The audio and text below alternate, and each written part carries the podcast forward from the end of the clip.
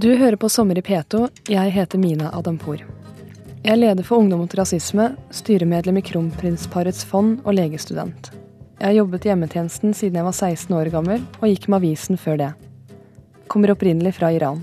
Hadde sokker i sandalene på ungdomsskolen og en fiskelue som jeg aldri tok av, men heller aldri ble mobbet for, fordi min storesøster var den kule på skolen.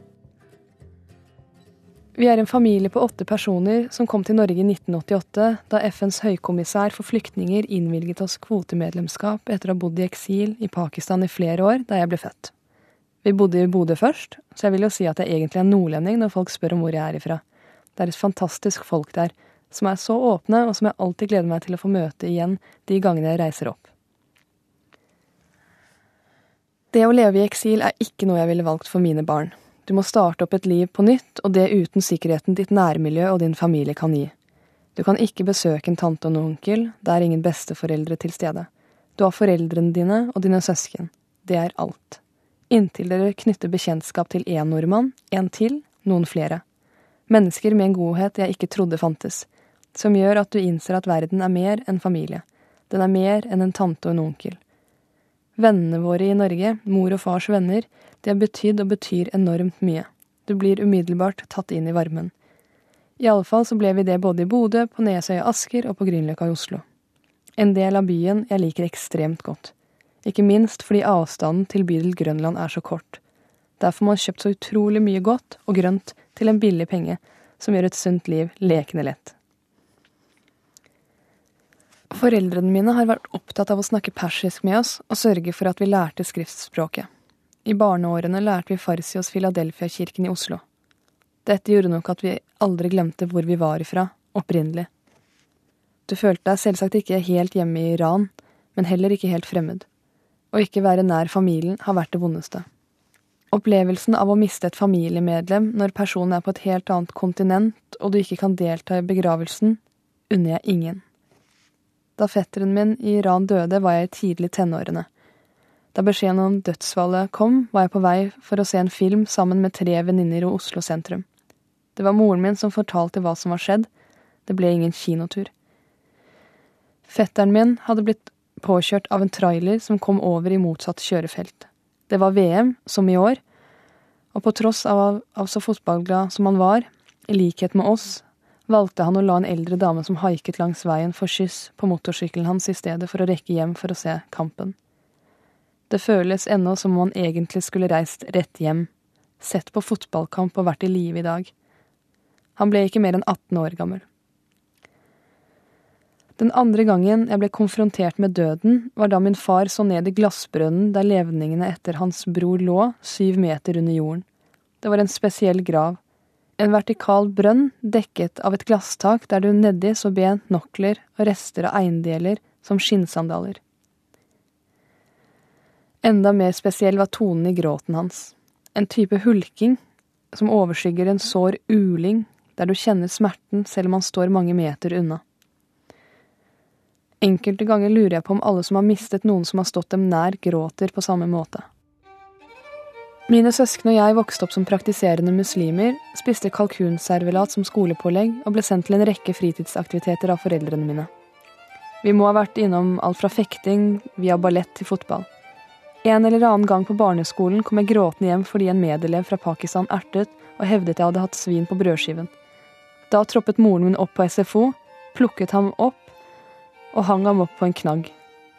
Ved en annen anledning kom jeg hjem med en lapp fra skolen der det sto at jeg ikke skulle være med til kirkegudstjenesten under julefeiringen. Da troppet moren min opp på ny på skolen inne hos rektor. Jeg husker at hun var veldig bestemt og sa det var uakseptabelt at hennes barn ikke skulle delta i en kirkegudstjeneste fordi de var muslimer. Jeg har alltid syntes moren min, som jeg i utseendet ligner veldig på, var tøff. I kirken pleier familien min og jeg å ta av oss skoene fordi i Guds hus tar alltid muslimene av seg fottøy. Det er en skikk etter profeten Moses, der han tok av seg på føttene før han talte til Gud på Sina i fjellet. De andre elevene trakk nok litt på smilebåndet av storesøsteren min og jeg, som hadde noen knæsj rosa og gule sokker på. Dagen etter på barneskolen skulle vi spille fotball, men jeg ble knuffet litt og fortalt at jeg ikke var en ekte muslim siden jeg dro til kirken. Den dagen så jeg storesøsteren min komme sakte langt unnafra til fotballbanen på Løkka, og så sto hun nære nok til å ta tak i mobberne som holdt på som verst. Hun sa med en dirrende stemme at synagoger og kirker også var Guds hus, det sto i Koranen, så de burde heller bruke tiden sin til å lese seg opp på religionen i stedet for å mobbe. Jeg pleier å si at der jeg har arvet vår mors utseende, har min storesøster definitivt arvet hennes styrke. Ringvirkningene av angrepskrig er for meg min far sittende på huk i smerter ved en glassbrønn av en grav. Sivile som blir drept brutalt og så unødvendig. Det er der min aversjon mot angrepskrig kommer ifra, og det var derfor jeg bestemte meg for å få medelevene mine til å streike da USA bestemte seg for å invadere Irak i 2003. En krig 90% av den norske befolkningen skulle vise seg å være imot dersom den ikke hadde forankring i folkeretten. Det hadde den heller ikke. Nylig gikk USAs tidligere utenriksminister Hillary Clinton ut og sa at hun angret på at hun stemte for invasjonen av Irak. Bruken av kjemiske våpen under krigen er også dokumentert av flere forskere. Et hovedoppslag i Aftenposten jeg aldri glemmer, er fra 2011 og sa ettervirkningene etter angrepet på Fallujah i Irak er verre enn hva de var i Hiroshima og Nagasaki etter andre verdenskrig, ifølge en ny rapport. Britene innrømmet bruk av utarmet uran. Angrepskrig er en enormt destabiliserende faktor jeg forhåpentligvis aldri vil si meg enig i å bruke. Forsvarskrig, som da tyskerne invaderte Norge, er legitimt. Det er ikke verst for østkantungdom at vi innså det moralsk feilaktige i invasjonskrigen som var i emning den gang, og som USAs avgåtte utenriksminister og kanskje demokratenes neste presidentkandidat i år erkjenner var gal. Men selv om streiken ved vår ungdomsskole ble starten på de landsomfattende skolestreikene og fikk mye medieoppmerksomhet den gang, vet jeg innerst inne at det ikke betød noen ting. Siden invasjonen av Irak startet, har det vært flere familier som har måttet oppleve det min far opplevde. Å leve i en slik parallell virkelighet i daglig er tøft. Flyktninger i Europa har nære som fortsatt lever under krig, diktatur og fravær av grunnleggende menneskerettigheter. Erkjennelsen av dette gjør at det skal mye til for å glemme hvor du egentlig er ifra. Derfor har jeg sansen for ekte utlendinger. Ekte utlendinger glemmer ikke røttene sine. I det mener jeg at en ikke trenger å skamme seg over sitt opphav, være du pakistaner, somalier eller bosnier. En skal alltid gå med hodet hevet.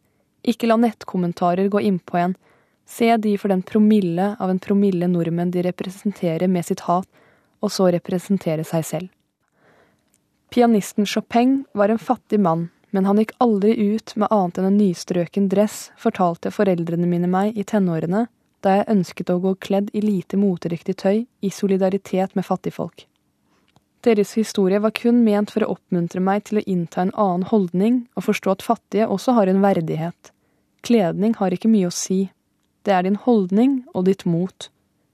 Og her er jeg veldig fan av NRK-profilen Leo Ajkic, som er definisjonen av ekte utlending. Han går som han vil, snakker som han vil, møter opp i studio og svarer bekreftende på at det finnes rasisme i Norge. Han skjuler ikke sine erfaringer og går med hodet hevet. Det samme med musikerduoen Carpe Diem. To unge menn jeg har hatt æren av å kjenne i en del år nå. Rapper om så mangt, tar opp Ariel Sharons forbrytelser mot menneskeheten, og står opp mot en nyvalgt statsminister, samtidig som de bringer opp temaet i minoritetsmiljø som er til hinder for det ene menneskets livsutfoldelse. De rapper om en søster i miniskjørt og en søster i nikab. Det er rått. Jeg vil ha flere ekte utlendinger. Det er ikke få ganger jeg tenker over de vanskelige temaene vi minoritetstalspersoner ikke snakker om, som angrepskrigføring, de strukturelle årsakene til fattigdom, og makthegemoni som er til hinder for reell utvikling. Jeg har lest side opp og side ned i avisen om hijab, men tar jeg tak i en kid på gata og spør om de har noe fornuftig svar på hvorfor lederen av Verdensbanken eller Det internasjonale pengefondet må være fra henholdsvis USA eller Europa, så vil de ikke vite hva jeg snakker om engang.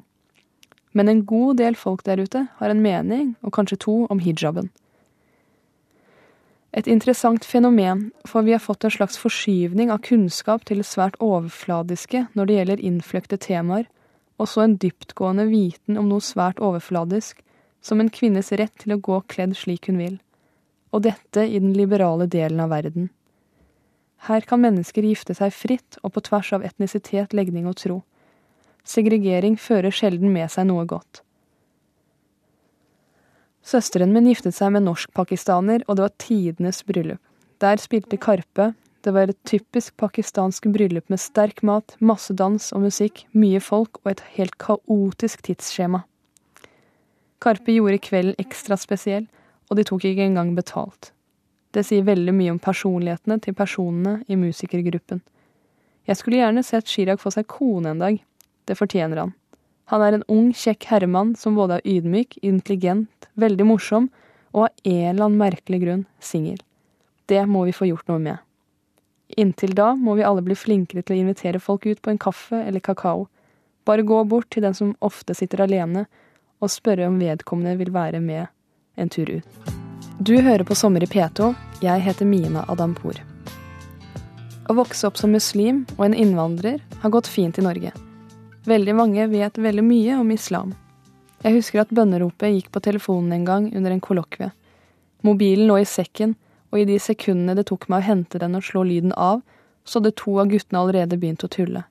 Ikke med 11. september, slik jeg kunne tro de skulle gjøre, men den ene sa da er det bønntid, opp med teppet, og den andre sa faktisk i hvilken retning er Mekka? Da trekker du på smilebåndet og kommer på at det ikke er det som skrives i kommentarfelt som er virkeligheten. Samtidig kan det sikkert oppleves tungt med et slikt fokus på en del av identiteten din når du er ung, men det gjelder også for foreldre å skape rammer under oppveksten der barna forholder seg til livet og ikke religionen alene. Vi var med på svømming, fotball, fekting, ballett og gikk på koranskole attpåtil. Det var en sammensetning som gjorde at vi ble godt integrert, samtidig som vi kunne praktisere troen vår med en kunnskap om hva det faktisk innebar. Jeg husker at det ikke fantes noen iransk moské, så foreldrene våre pleide å ta oss med til Paulus kirke, der Oddbjørn Leirvik var prest. Vi hadde gjennom koranskolen lært at hadde det ikke vært for den kristne kongen av Abyssinia, så ville profeten Mohammed wassalam, og hans etterfølgere blitt drept av araberne. Dette er kunnskap sikkert en del muslimer selv hadde hatt godt av å lære. Det er sjelden jeg diskuterer religion eller kultur uten å diskutere geopolitikk, historie og rettsstatens tilstedeværelse. Hvis enhver diskusjon om grufulle handlinger handler om at dette er en barbarsk kultur eller en barbarsk tro, så har vi egentlig ikke kommet så mye lenger enn det den kristne palestinske forfatteren Edward Said skriver om i boken Orientalismen. Jeg syns ellers sjelden det er negativt når noen spør om hvor du er ifra. De er nysgjerrige, og jeg selv er også nysgjerrig på andre, selv om de er etniske nordmenn og jeg ikke nødvendigvis kan spørre hvilket land de er ifra. Da spør jeg ofte om hvor mange søsken de har, og hvem de er i rekken hvis de ikke er enebarn. Som leder av Ungdom mot rasisme har jeg flere ganger sagt at Frp ikke er et rasistisk parti.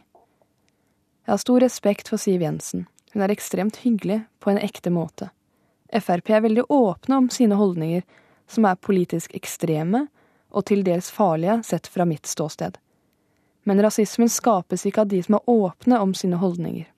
De vil kanskje tiltrekke andre, men det er gjentatte stereotypier og forestillinger vi blir eksponert for, som kan skape ideer og tanker om uforenlighet og ulikhet. Da en liten gruppe kristne individer i USA nektet å godta evolusjonslæren, ble begrepet fundamentalist konstruert. Da Folke Bernadotte, den svenske adelige som startet Hvite busser, og var FNs spesialutsending til Palestina, ble drept av jødiske terrorister, skapte vi ikke et begrep som heter jødedomisme. Breivik har heller ikke gitt opphav til begrepet kristendomisme, til tross for at et helt kapittel i hans manifest het Det kristne forsvar for kampen. Disse sammenligningene er tøffe for meg å trekke, for jeg vil nødig gjøre andre den assosiasjonsuretten jeg mener muslimer daglig må kjenne på fordi det for muslimske individer oppleves annerledes. Der bruker mediene hyppig islamisme, militant islam, konservativ islam, islamist, jihadist, jihadisme, kontrajihadisme. Blir du eksponert for slike ord over lengre tid, skapes det en linje mellom gjerninger avvikende individet står overfor, og religionen islam. Gjerningsmenns identitet blir ofte bekreftet som muslim, men kan ikke huske å ha lest om en gjerningsmann som var ateist, hindu eller zoroaster for den saks skyld. Jeg ville trolig selv ikke sett på islam slik jeg gjør i dag, dersom jeg ikke kjente muslimer og ble eksponert for den type begreper av media og akademia. Som barn pleide foreldrene mine omtrent daglig å minne oss på å respektere lærere like mye som vi respekterte våre foreldre. Å få den oppfordringen har vært veldig viktig. Klassestyrerne mine har betydd enormt mye for meg. På barneskolen tok Anne Lise Rodin oss imot med åpne armer. Selv om jeg som seksåring talte bedre norsk enn mine foreldre. Det varmet så inderlig å se sine foreldre, som ikke så ut som de andres foreldre, bli tatt så godt imot. Jeg glemmer aldri Anne Lise sitt smil. Et stort og varmt smil og en dyktig lærer som viet alle elevene oppmerksomhet. Alltid sjekket leksene våre og hadde med hveteboller med på hver eneste tur. På ungdomsskolen var det Borghild Aga Harskjold som håndterte en klasse som besto av flere med ressurssvak bakgrunn. Borghild sto i det, forlot oss aldri, og tok vare på alle uansett hvor krevende det var. Hun var en ekte vestkantshelt. På videregående hadde jeg klassestyret Tor Steinar Grødal i fagene historie, politisk idéhistorie og filosofi. For et engasjement. Det smittet, og hans omsorg for oss glemmer nok ingen av elevene. Dyktige undervisere har en kjærlighet for faget, for elevene sine, og en disiplin de krever av oss, men som de viser at de gjør for oss. På universitetet ble det plutselig færre av disse dyktige lærerne. Her var det ingen som stilte krav. Jeg hadde alltid villet bli lege, men merket angeren melde seg da dekanen første skoledag ytret det følgende.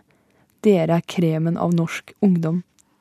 Det er kanskje det mest flåsete utsagnet jeg noensinne har hørt.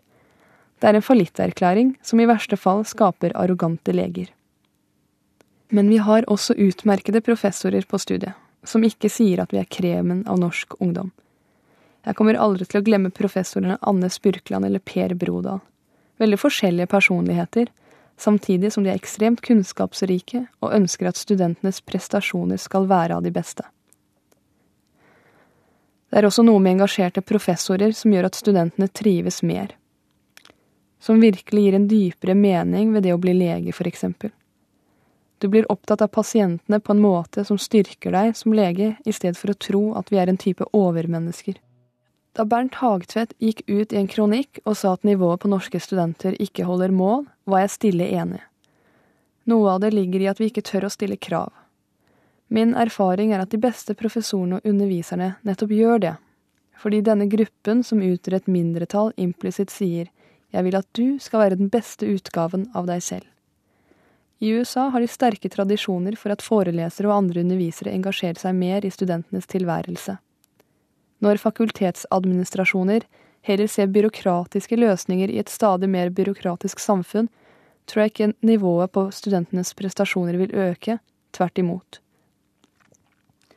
Engasjerte undervisere skaper engasjerte studenter.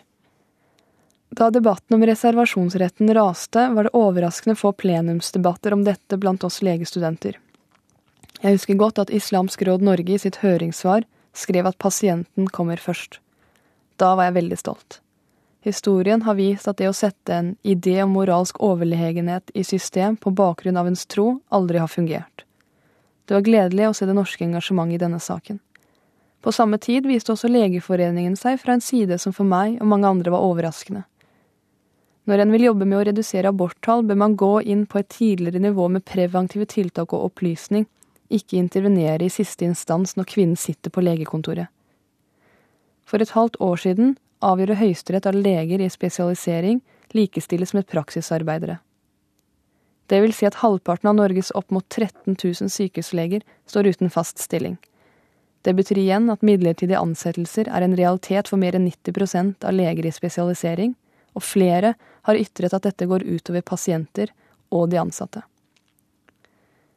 På et av landets mange sykehus kom jeg i samtale med en hyggelig eldre mann som i mange år hadde arbeidet innen finanssektoren. Han var blitt syk for første gang, og han var ved godt mot denne tidligere friskusen.